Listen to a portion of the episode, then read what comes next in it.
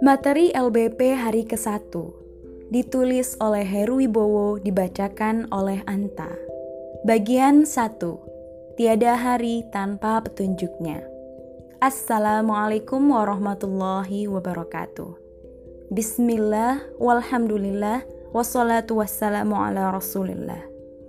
Terdapat di banyak tempat di Al-Quran di mana Allah menyebutkan kata Rob dan guidance secara berdampingan.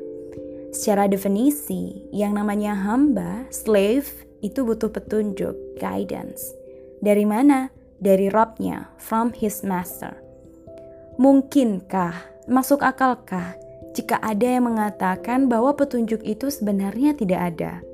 Tidak mungkin, karena Rob itu ada. Dan hamba, seperti kita-kita ini, terbukti ada.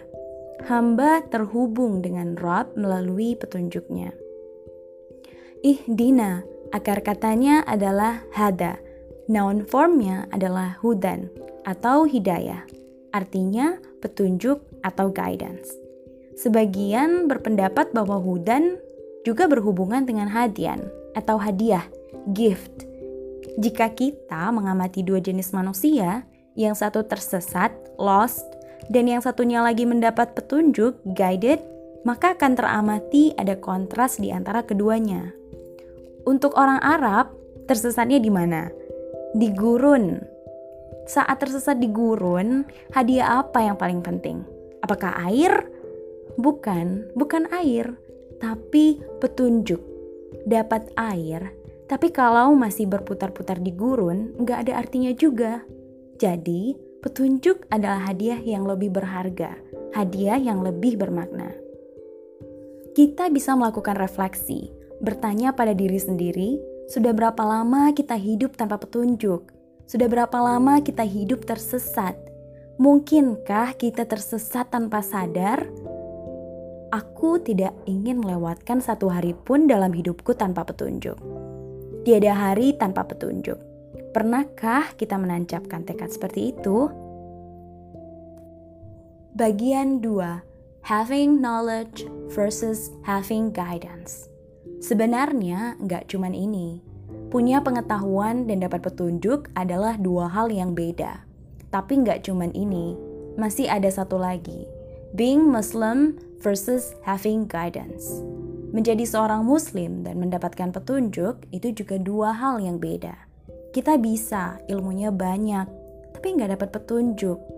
Kita bisa menjadi muslim, tapi tidak mendapatkan petunjuk because guidance is actually not one act. Mengucapkan dua kalimat syahadat bukannya itu berarti mendapatkan petunjuk. When somebody took the shahada, they took the first guided act. Saat mengucapkan syahadat, iya, itu adalah sebuah aksi yang merefleksikan perolehan petunjuk. Tapi setelah itu, kita tidak tahu. Every moment we need to make a serious decision. Perjuangan untuk mendapatkan petunjuk adalah perjuangan setiap waktu. Setiap keputusan yang kita ambil bisa benar, bisa salah. Dan di setiap keputusan itu kita perlu petunjuk. Tapi kita belum tentu berkonsultasi dengan Allah di setiap pengambilan keputusan itu. Pilihan-pilihan yang harus kita buat setiap hari, setiap menit, setiap jam adalah pilihan-pilihan yang bisa berbasis petunjuknya atau tidak sama sekali. Tidak setiap kita bersungguh-sungguh untuk meraih petunjuknya. Dan kita bisa terlihat religius, tampak luarnya. Kita bisa mengenakan hijab, berjenggot panjang, membaca Al-Quran secara sempurna dan merdu mempesona. Punya pengetahuan tingkat dewa soal fikih, syariah, dan semua cabang ilmu agama lainnya. Kita bisa bicara di depan ribuan masa dan mereka mencatat kata-kata kita. Berpikir bahwa mereka akan mendapatkan petunjuk dari apa yang kita katakan. Tapi itu tidak berarti kita punya petunjuk. Allah yang paling tahu siapa di antara kita yang mendapatkan petunjuknya. Tidak ada satu titik di mana kita bisa bilang secara lantang akhirnya oh akhirnya akhirnya aku mendapatkan hidayah. Guidance bukanlah sesuatu yang bersifat permanen. Usaha untuk meraih guidance itulah yang seharusnya permanen. Islam, ya kita punya itu. Saat kita bangun tidur, lalu ada yang tanya, "You punya Islam?" Kita bisa bilang, "Alhamdulillah, aku seorang Muslim." Pengetahuan kita bisa simpan.